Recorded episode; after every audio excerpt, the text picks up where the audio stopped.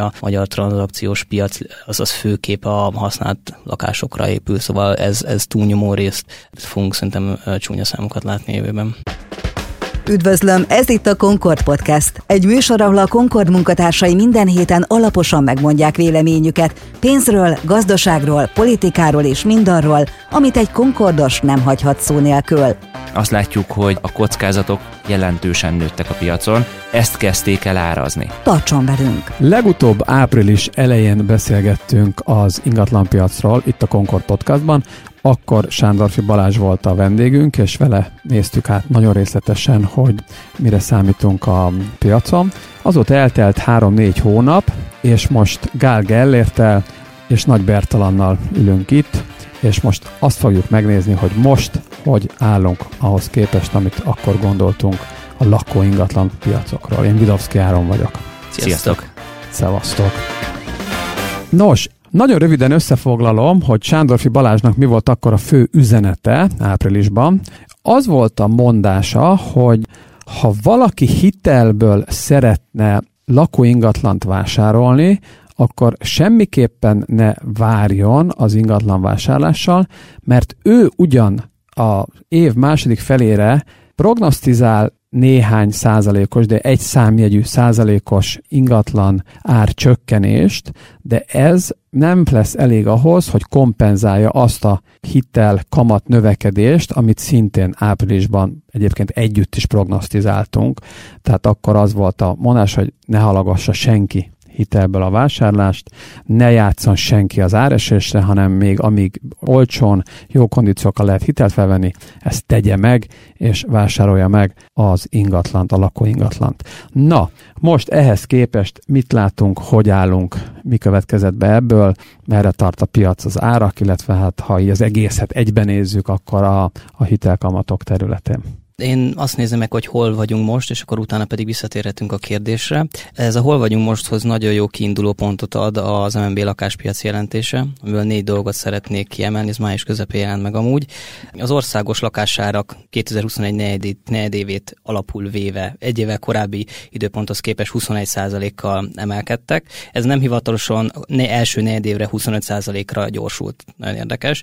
Viszont nagyon eltér az, hogy ez hol történt. Budapesten 11%-kal emelkedtek a lakásárak, míg egyébként mondjuk az ország különböző részein, kiemelve mondjuk Pest megyét, ott vele 37%-kal. Érdemes egyébként ezt megnézni inflációval korrigálva. De reálértéken például Budapesten 2019 harmadik negyedévéhez képes nem igazán változtak érdemben a lakásárak. Ez volt a második pont, ami szerintem nagyon fontos. Kiemelten fontos az, hogy a Nemzeti Bank túlértékeltnek tartja Budapestet, most már egy ideje, de azért ez, ez javul, de az az érdekes, hogy országosan is rég nem voltak ennyire túlértékeltek a, a lakások, illetve, és ezzel visszat is tudunk kanyarodni a te kérdésedhez, a bankszektor hitelkeresletére is érkezett egy ilyen kis prognosztizáció, hogy a második fél évben milyen hitelkeresletet várnak, és Covid idejét idéző hitelkereslet beszakadásra számítottak akkor május közepén a bankok azóta pedig még tovább emelkedtek a kamatok, úgyhogy ez pedig mm, historikusan egészen jól méri az, hogy a lakásárak hogyan alakultak, tehát mármint, hogy a hitelnövekedés, illetve a jelzálak hitelnövekedés, illetve a lakásáraknak elég erős korrelációja van. Ugye alapvetően most a lakáspiacról beszélünk, de ugye ezeknek a hatásoknak vagy folyamatoknak azért alapvetően egyrészt egy most már nagyon sokak által prognosztizált, vagy, vagy szinte biztosra vett gazdasági válság, gazdasági lassulás az egyik, ami kiváltja ezt. A másik pedig ugye nyilván a háború, amely azért még amikor ti március-áprilisban csináltatok a podcastot, akkor azért mindenki a reménykedett, hogy ez akár egy egy hónapon belül, vagy, vagy viszonylag rövid időn belül, belátható időn belül megoldódik. Ehhez képest most már arról beszélünk, hogy ez több hónapja tart, és még mindig nem látjuk azért ennek a végét.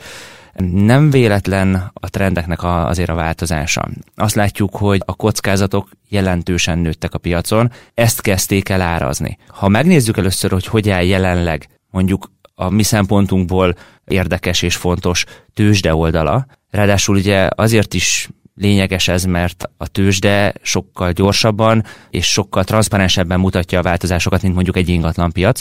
Ha megnézzük ezeket, akkor talán sokkal jobban fogjuk érteni utána, hogy az ingatlanpiacon mi miért várunk bizonyos hatásokat. A tőkepiacon hogyha megnézzük, a, az állampapír az nagyon hasonló befektetés lehet, mint mondjuk az ingatlan. Ha úgy nézzük, akkor ez egy tőke garantált, fix lejárattal számolhatunk, fix hozamokkal, kamat szelvényekkel számolhatunk, tehát látjuk a cashflow-ját is ennek a terméknek, és azt látjuk, hogy azáltal, hogy a kockázatok megnőttek, azáltal elkezdtek a hozamok emelkedni a piacon. Ez azt is jelenti, hogy a kötvényeknek az ára elkezdett esni. Magyarán szólva, egyre jobb és jobb, egyre magasabb hozamú befektetések vannak a piacon.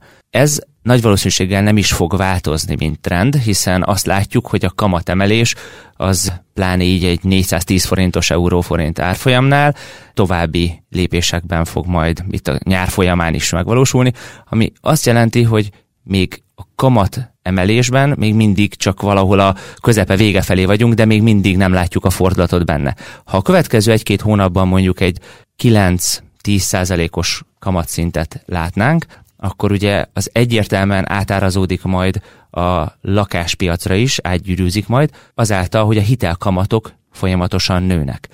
Amikor ti a podcastot csináltátok, akkor nem véletlenül ha hitelből akartál ingatlant vásárolni, akkor azt kellett mondani, hogy azt minél gyorsabban tedd meg, mert a hitelkamatok elszállhatnak. Teljesen jól mondod, csak hogy fixáljuk. Akkor azt hiszem azt néztük, hogy a Balázs gyűjtötte le, hogy 5,2-es THM-mel lehetett még áprilisban fölvenni Pont, 10 éves most ez jelenleg 8,2, tehát 20 évre 10 év kamatfixálással most jelenleg 8,2-es THM-mel tudod felvenni. Tehát ez 5,2-ről 8,2. Ez drasztikus különbség, hiszen egyrészt kamatos kamattal kell számolni, másrészt egy 20 éves futamidőnél az a 3% az brutális nagy különbség. És mi azt várjuk, hogy ez picit még nőni fog. Hadd hozzak akkor egyből egy példát, ami, ami tökéletesen szemlélteti. Hogyha most én felvennék egy ingatlanra hitelt, mondjuk egy 50 milliós hitelt, ez azért azt gondolom, hogy viszonylag reális, akkor 20 évre, 10 év kamatfixálással, egy 8-2-es THM-mel, amiről beszéltünk, az azt jelenteni, hogy havi 415 ezer forint lenne a törlesztő részletem, de ami még jobban szemlélteti, az 50 millió forint hitelre én 99,5 millió forintot fizetnék vissza. Tehát ha ez még nőni fog, akkor itt látszik, hogy azért ez jelentős különbség. Csak egy példát mondanék, ha mondjuk ez egy 6,6%-os THM lenne, akkor már csak 89 millió forintot kéne visszafizetnem. Tehát gyakorlatilag egy másfél százalékos változás, az a végén, a lejáratkor 10 millió forint különbséget jelent. Igen, ez egyébként egy nagyon jó példa volt. Egyébként ez valószínűleg közelebb is áll az igazsághoz, mert, mert de tudjuk, rengetegféle támogatást lehet elérni, és a, a múltkori podcastnak az egyik ilyen konklúzió az volt, hogy hiába mennek föl tényleg a, a kamatköltségek, illetve a jelzálókitelek kamatai, még mindig ki lehet keverni, úgymond egy, egy 150-200 bázispont alacsonyabb kamatköltséget pusztán abból kifolyólag, hogyha az ember gyereket vállal, fölveszi a csokót, babavárót, szóval ez, ezek mindenféleképpen tompítják a kamatemelésnek a hatását, de nem tudják teljes mértékben kizárni. Szóval ezek mindenféleképpen olyan dolgok, amik szükségesek lesznek a későbbiekben, és az a kérdés, hogy ilyen fiskális túlköltekezés után ezeket mennyire szigorítják be a feltételrendszerét szerintem. Tehát, hogy ezek mindenféleképpen szükséges feltétele annak, hogy itt, hogy itt ne legyen nagyobb esés, vagy árerózió a lakásárakban, hogy Hát igen, a babaváróval lehet tompítani, de mindig egy magasabb szintről tompítod, tehát amit végül letompítottál. Szóval hogy nem jó az irány ebből a szempontból. Hát és amiről beszélgetünk, hogy ha már a kamatkedvezményekről beszélgetünk, hogy ezt általában azért az új építésű ingatlanra adja az adott kormány, hiszen azt mondja, hogy a gazdaságot szeretné élénkíteni vagy támogatni, tehát mondjuk az új beruházásokat támogatja ezáltal, hogy lesz rá kereslet. De a használt lakásra azért egyelőre nem várható, hogy mondjuk akár egy hasonló, mint mondjuk a zöld hitel érkezik, és ha nem jön, akkor viszont azt kell látni, hogy valahol ez a realitása, hogy ilyen hitel mellett tudom venni. Ugye az a kérdés megint, hogy ezek mellett, a jelenlegi árak mellett szükségem van-e hitelre, vagy tudom készpénzből vásárolni az ingatlant. Azért azt látjuk jelenleg, hogy ez a hitelkamat drágulás, ez a begyorsulás, ez azt eredményezte, hogy a használt ingatlanokra drasztikusan csökkent a kereslet, lefékezte a vásárlási kedvet, mert hogy ilyen árak mellett már nem feltétlenül akarnak finanszírozni.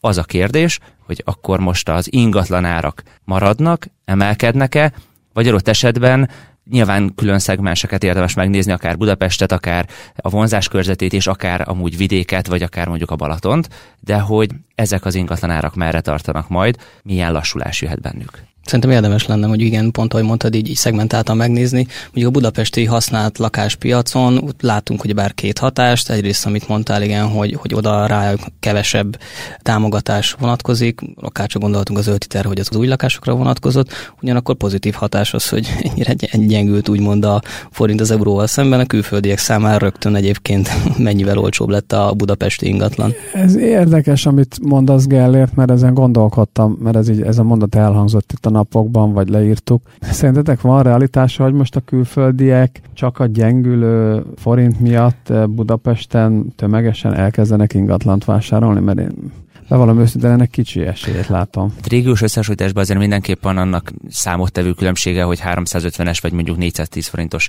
euróval számolom a, az ingatlannak a négyzetméterét, de hogy valaki csak magánszemélyként, akár befektetés szempontjából mondjuk úgy nézze, hogy ez alapján dönt, hogy Bécsbe vagy Budapesten vegyen, ezt azért nehezebb megmondani. Erre tudunk egy igazából egy tök jó kis ábrát, nem tudom, hogy végül be fogjuk-e tudni tenni. De Mindenképpen be fogjuk tenni az ha, ábrákat, ezt megígérem. Ha be fogjuk tenni az ábrát, akkor, akkor fel tudok hozni ezzel, ezzel kapcsolatban Addig egy ábrát. Meséld el, mit látsz az ábrán. Egy ábrát látok azzal kapcsolatban, hogy a külföldi érdeklődés hogyan alakult egy bizonyos bázishoz képest a legnagyobb ingatlankereső portál adatai alapján, és 2021 decemberéhez képest 2022 júniusa dupla akkora érdeklődés mutatott, és hát mindannyian tudjuk, hogy júniusában most már egy 400 környékén járt az euróforint, mint mondjuk míg szemben mondjuk 2021 decemberével, egy 360, ha jól emlékszem, tehát gyakorlatilag 10%-kal alacsonyabban. Tehát ez csak értem, érdeklődés és nézettséget értem, mutat. Csak hogy egyébként ez számok szintjén vajon jelent? Ja, konkrét tranzakciószám? Igen, igen. Tehát ez hány az, százaléka mondjuk a Budapest? Ez gondolom Budapest. Abszolút, abszolút Budapest. Tehát a, a külföldi befektetők főképp Budapestet preferálják, az a leglikvidebb piac. Hát ugye az majd megnézzük persze, de ez a teljes tranzakció szám hány százaléka lehet, mert, mert az, hogy valami duplázódik, de egy nagyon alacsony szintről, az még Na mindegy, megnézzük, jó. Azok szerint akkor azt legalább látszik, hogy akkor amit mondottok, akkor az alapvetően igaz, tehát az érdek, külföldi érdeklődés az megnőtt. Ugye amit még feszegettünk, és ezt most így elkezdtük már kibontani, de mint konkrét téma szeretném behozni, az az, hogy természetesen van egy természetes forgási sebessége az ingatlan piacnak. Ez adódik abból, hogy felnőnek a gyerekek, elköltöznek, összeköltöznek emberek, elválnak, szétköltöznek, tehát hogy van egy dinamikája a piacnak. Viszont az elmúlt években a befektetési célú ingatlanvásárlás az jelentős volt azért a magyar piacon. 2015 után, amikor elindultak a, az ingatlanok fölfele, akkor azért nagyon sokan vettek úgy, akár az Airbnb miatt, akár csak tényleg normál kiadás miatt befektetési célral ingatlant. Igen ám, de ugye azt érdemes megnézni, hogy ez egy eléggé hosszú időszak alatt, és hát az MNB által is, meg azért a mi érzésünk szerint is egy túlfűtött piacról beszélünk. Az a kérdés, hogy például a használt lakások ára tud esni, vagy az újépítésű lakások ára tud esni. Ugye az újépítésűre azt mondtuk, és itt majd a Gellért véleményére is kíváncsi vagyok, hogy nyilván egy háborús helyzetben, egy olyan időszakban, ahol gyakorlatilag a, az energiaárak azok elszálltak, a szállítási költségek azok elszálltak, a munkaerő bér nyomás volt gyakorlatilag 2020-21-ben, hogy egy ilyen időszakban egyszerűen nem tud esni az új építésű ingatlan ára, mert nem lehet olcsóbban előállítani a négyzetméterét az új lakásnak. A kérdés az az, hogy ebben volt-e változás, tehát hogy ez a nyomás, ez tud-e valamelyest csökkenni, ha igen, akkor ez valamelyest lassíthatja az új építésű lakásoknak mondjuk a négyzetméterárát, itt például az is érdekes, hogy ha csak nem változik az ára, tehát a következő mondjuk három évben ugyanúgy 1 millió 500 ezer forint marad a négyzetméter ár, akkor egy 10%-os infláció mellett gyakorlatilag olyan, mintha szépen lassan, de csökkent volna az az ár. Erről te mit gondolsz, Gellért? Nyilván több hatás éri a piacot. Azt szerintem az a legérdekes, hogy az elindult projektek, azok már szerintem annyira érdemben nem fognak átárazódni. Tehát, hogy amit mondjuk 2021 év elején elindult, és beszerezték az építőanyagot, akkor ők figyelni fogják a piacot, hogy, hogy mennyi, hogy alakulnak a, a, a többi fejlesztőnek az ára, és ahhoz igazítják, és próbálnak a lehető legmagasabb ár mellett eladni, ahol még éppen van kereslet. De azt, hogy éppen az aktuális spot építőanyagárakhoz árazni,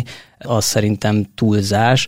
Ez a kínálati oldal, a keresleti oldal pedig az utolsó, az elmúlt kilenc hónapot pedig Magyarországon elképesztően megnyomta a zöld hitel. Tehát, hogy amikor 70 millió forintig fel tudsz venni két és fél százalékkal, amikor a, a piacon 5 és most már egyébként 8 százalékon tudsz fölvenni, akkor az elképesztően nagy löketet tud adni az új lakáspiacnak. Úgyhogy ez... Hát és ez amúgy sok fogyasztást előre is hozott, tehát abszolút, ugye abszolút. pont ezért nem érdemes érdemes amúgy nézni szerintem igazán a, a Q1-et, tehát az első negyedévet, vagy mondjuk akár a második negyedévet, mert ez a sok zöld hiteles projekt, ez ugye nem tudott olyan gyorsan átfutni, nagyon sok szerződés még akár április-májusban valósult meg, tehát még valószínűleg, ha az első fél évet nézem, ott van benne egy elég erős torzítás a zöld hitel miatt. Ehhez képest amúgy jelentős lehet majd a visszaesés a, a második fél évre, mert jelenleg nem tudunk olyanról, hogy hasonló mértékű, hasonló léptékű kedvezményeket vagy kamatkedvezményeket kedvezményt tudná elérni az ember az új építésű vásárlásoknál.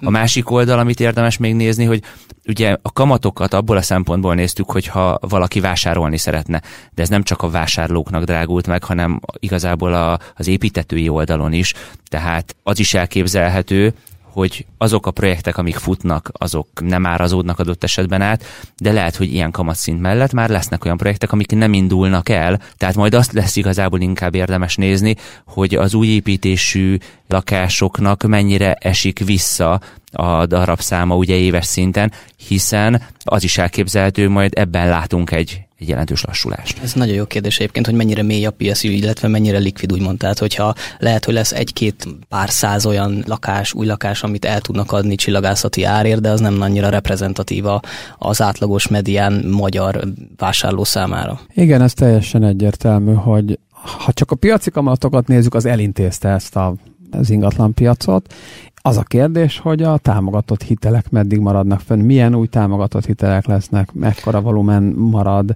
Erről azért most még úgy nehéz bármit mondani. Én úgy tudom piaci hírek alapján, hogy ez szeptember előtt nagyon nem is lesz kérdés, és nem is nagyon fogunk választ kapni, tehát inkább az ősz folyamán jöhet majd erre válasz, de hogy tényleg ott időben, kamatokban milyen kedvezményeket fognak kapni, vagy milyen szektorok fogják ezt megkapni, ezt még nehéz látni. Na most, ha mellé teszem azt is, amiről mostanában egyre több kormányzati kommunikációt hallunk, hogy azért valahol ebből a megnövekedett inflációból a kiút az, az kell legyen, hogy a lakosság körében az elkölthető jövedelmet kell csökkenteni. Hát szebb nevén azért alapvetően a fogyasztást szeretnék visszafogni, igen akkor azért, és ezt mellé pattintom így ennek az egész ingatlan piaci kitekintésnek, akkor azért e, ezt az egészet nem fölfele látom most az árakat, se a volument. Nem, van két nagyon aktuális számom, ez a, a, a DH havi becslése májusra, illetve júniusra mind tranzakciószám, mint egyébként jelzálok hitel, tehát közvetítenek hiteleket is, és arra azzal kapcsolatban a korábbi piaci részesedésük alapján becslik, hogy nagyjából Magyarországon mi történhetett, és ott a tranzakcióval kapcsolatban ilyen év per év alapon 13, illetve 15 százalékos visszaesést prognosztizálnak május, illetve június szempontjából. Ez nyilván egy 21-es évhez viszonyítja, ami, ami nagyon erős volt, nyilván a 20-as pandémia ide alatt elhalasztott vásárlásokat 21-be bepótolták. Egy 19-18-as szinthez képest egyébként ez még mindig körülbelül egy, egy alacsony egy számjegyű esés. Szerintem innentől kezd majd izgalmasabbá válni a történet, és innentől látunk majd szerintem csúnyább tranzakciószámokat. Azt érdemes tudni egyébként, hogy a magyar tranzakciós piac az az főkép a használt lakásokra épül, szóval ez, ez túlnyomó részt fogunk szerintem csúnya számokat látni jövőben. És ha használt piac, ugye akkor meg is érkeztünk oda, amiről beszéltünk, beszélünk, hogy ugye még az új lakások esetében lehet úgymond egy keresletet gerjeszteni, akár különböző támogatásokkal. A használt esetében viszont már ott jön be az, hogy mi az alternatíva befektetésem. És itt megnézhetek akár egy részvényt, egy osztalék részvényt, amelynek az árfolyama mondjuk az elmúlt fél évben esett akár 20-30-50 százalékot, és így már esetleg eléri a 8-10 százalékos osztalékhozamot, amivel még szintén ugyanott van, hogy ha megoldódik a válság, vagy, vagy vége lesz a háborúnak, akkor akár árfolyam nyereséget is tudok elérni, amellett, hogy amúgy az osztalékot is meg fogom majd kapni. Vagy, ha már az elején említettük, akkor érdemes megnézni mondjuk egy állampapírral szembe is, hiszen nem csak a hitelkamatok mentek föl, hanem emellett a piacon elérhető akár állampapír hozamok is jelentősen növekedtek. Ha megnézzük, akkor most már egy 10 éves magyar állampapír esetében nem lehetetlen elérni mondjuk akár egy 8%-os, vagy akár egy 8,5%-os hozamot. Én mondjuk a számítás kedvéért 8,5-lel számoltam, de azt sem tartom kizártnak, hogy a további kamatemeléseknek köszönhetően akár ez 9%-ig vagy a fölé is menne. Hogyha egy 10 évre veszek egy 8,5%-os hozam mellett egy magyar állampapírt, akkor mondjuk ha 100 millió forintot fektetem ebbe be, és optimálisan majd be tudom fektetni a kamatait is, amit minden évben amúgy megkapok, akkor a hozamnak köszönhetően a tizedik év végére 226 millió forintom lesz. Persze erre lehet azt mondani, hogy hát de majd amúgy mennyit ér a forint, meg, meg egyebek. Én azt gondolom, hogy ha egy válságba mondjuk akár egy két-három éves időtávra is számolunk, akkor is azért ez egy 10 éves periódus esetében a 100-ból lett 226 millió. Ha most egy használt ingatlant kéne vásárolnom, mondjuk 100 millió forintért, ami ma már amúgy nem egy kirívó összeg itt Budapesten, akkor ki tudom adni mondjuk ezt a lakást 350 ezer forintért, akkor évi 4,2 millió forint bevételem lenne belőle. Ez azt jelenti, hogy mondjuk a tizedik év végére legyen mondjuk 45-50 millió forintom, hiszen nyilván a, a lakásnak a kiadási ára is esetleg nőhet, és akkor ugye nő majd a bevételem. Ez azt jelenti, hogy a lakásnak, magának a 100 milliós lakásnak olyan 170-180 millió forintot kéne érnie 10 év múlva, hogy közel ott legyek, mint amit amúgy az állampapírral elértem. Az állampapír mindemellett likvid volt, és az állampapír mindemellett most már adómentes is a magán személyek, a magyar magánszemélyek számára. Azért, ha ezt a kettőt még mellé teszem, akkor a jelenlegi ár mellett az ingatlanok elképzelhető, hogy közel sem olyan jó befektetések, mint az állampapírok. Itt jön be az, hogy megint már csak az árról beszélgetünk. Ha 100 millió helyett majd 80 vagy 85 milliót tudom megvenni, akkor már lehet, hogy egy olyan növekedési dinamikát is bele tudok árazni, ami mellett majd jó befektetés lesz. Nagyon vicces, ahogy ezt levezetted, Berci, mert most egy picit olyan, mint hogyha az ingatlan piacról kezdtünk volna el beszélgetni, de szépen csináltunk volna egy, egy ingyen reklámot a, az AKK-nak, hmm. illetve a magyar állampapíroknak, de a viccet félretéve egyébként ez tényleg egészen elképesztő, hogy mondjuk nagyjából tíz éve volt a, tehát a hagyományos forintba kibocsátott magyar állampapírok hozama azon a szinten, ami érdekelte a magánbefektetőket is. Tehát nem az intézmény, hanem a magyar magánbefektetőket is. És ez nagyon, konkrétan 2011-12 pontosan, igen. És ahhoz képest évekig el volt ezt feledve, nyilván azért, mert nem volt hozam rajta. Aztán persze bejöttek a lakosság állampapírok, ami egy külön történet, de most nagyon-nagyon gyorsan, néhány hónap alatt elérkeztünk oda itt az emelkedő hozamkörnyezetbe, hogy ismét egy fontos szereplője lehet a magyar magánpiaci megtakarítóknak, vagy megtakarításoknak a sima, hagyományos, magyar forintos 5-10 éves állampapír. És ez teljesen érdekes, hogy Pontosan. ez nagyon-nagyon rövid idő alatt alakult ki ez a helyzet, hát ez jöttünk föl ide. Gyakorlatilag kevesebb, mint egy év alatt, egy, egy bőfél év alatt. És ez ugyanakkor meg tök tisztán bebizonyítottad ezzel a példával, hogy nagyon-nagyon-nagyon elgondolkodtató mindenkinek, aki a befektetéseit nézegeti, hogy most vajon tényleg akár mondjuk használt ingatlant kiadási célra vegyen, és annak minden nyűgével, bajával, stb. stb. ismerünk bárki, aki ingatlant adott ki, vagy egész egyszerűen 8-8,5 százalékon HGB-be, ugye ez a hivatalos neve, betegye ezt az összeget. De hát ugyanígy nézhetjük azt is, hogyha már magyar piacról beszélgetünk, hogy mondjuk hogyan változik az árazása egy magyar telekomnak, ugye a Gellért itt nem, nem szeretném elvenni az ő kenyerét, hiszen ugye ő elemzi ezt a, ezt a céget, de hát ugye 400 forintos árfolyamnál a 20 forintos osztalék az nem ugyanazt jelenti, mint mondjuk 300 forintos árfolyamnál gyakorlatilag itt is áraz a piac folyamatosan, és ugye pont erről beszélgettünk, hogy ha pedig még mondjuk lesz egy tőzsdei ralli is akár, mert vége lesz mondjuk a háborúnak, vagy, vagy akár egy-két év múlva ugye átárazódnak a dolgok, akkor ott ugyanúgy árfolyam nyerességet is tudok még elérni, de mondom, ezt nem akarnám a elérkenit elvenni, csak ne az legyen, hogy csak az állampapírról beszélgetünk. Tehát lényegében elérkeztünk oda, hogy jól lehúztuk az ingatlan, a lakóingatlan, mint befektetés, és ehhez képest tulajdonképpen arra jutottunk, hogy bármi jobb lehet most. Hát legalábbis, ha össze kéne foglalnom, hogy, hogy mi, mi az üzenetem, akkor az az, hogy jelenleg drága ingatlan tudok vásárolni drága hitelből, és ez mind befektetés szerintem jelenleg nem jó. Vagy kell olyan kavatkedvezményes hitel, ami miatt ezt megéri megvenni, vagy az ingatlan árának csökkennie kéne, hogy ez újra szexi legyen a számomra, mint befektetés. Igen, az építési vállalkozók országos szövetség és igazából pont igazából ezekre a, a konklúziókra jut, mert nem a befektetési oldalt, hanem hogy a támogatásokat fönt kell tartani. Van ez a felújítási támogatás, az például évvégéig van a határideje, azt is kérték, hogy ezt tolják ki, az 5%-os áfát is az új lakásokra, tehát ők is amellett grundolnak, hogy mindenféleképpen szükségesek a támogatások ahhoz, hogy, hogy az építőipar, ha nem is jellegi szinten, de, de hogy az aktivitás fennmaradjon. Mert ezek tényleg, a, hogyha összevetjük a, a, a likvid tőkepiaci befektetésekkel, akkor ez az 5-6-7 százalékos hozam plusz a mondjuk felértékelődésből jöhet, de hát most ne beszéljünk felértékelődés ilyen hozam környezet mellett, az, az nem tudja kielégíteni a befektetők mélységét. Igen, nekik egy jó hír lehet az építtetőknek, hogy a átlagos építkezés számára összes fontos alapanyagnak a világpiaci ára az elég komoly esésbe kezdett itt az elmúlt időszakban. Ez mondjuk Hát persze, ha csak a kontextusból kiragadva lehet így elsőre egy jó hír, de mondjuk ez tény. Még egy gondolat, hogy ha megnézzük azért a 2008-as válságot, ugye mi 2008-nak hívjuk, 2007-ben már voltak jelei, de mondjuk 2008-2009-ben ütöttünk aljat, hogyha a tőzsdéket nézzük.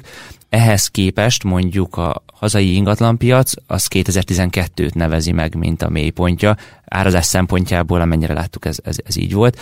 Innentől kezdve most is arról beszélünk, hogy mi a tőzsdén már látunk fél egy éve valamit, aminek a hatása könnyen elképzelhető, hogy igazából az ingatlanpiac számára 2023 vagy 24-re fog úgy begyűrűzni, hogy amikről mi most beszélünk, és amiket mi várunk, azok később mennek át. Pont azért, mert ez egy lassabb, kevésbé likvid piac. Jó, hát tipikusan ez az a téma, amit 3-4-5-6 hónap múlva újra megnézzünk, hogy hogy állunk ahhoz képest, amit most prognosztizáltunk. Úgyhogy Berci Gellért nagyon szépen köszönöm. Köszönjük szépen. Köszönjük szépen. Ha tetszett ez a podcast, akkor iratkozzatok fel YouTube csatornánkra, illetve a podcast csatornák közül a Spotify és az Apple Podcast csatornára, és olvassátok cikkeinket a concordblog.hu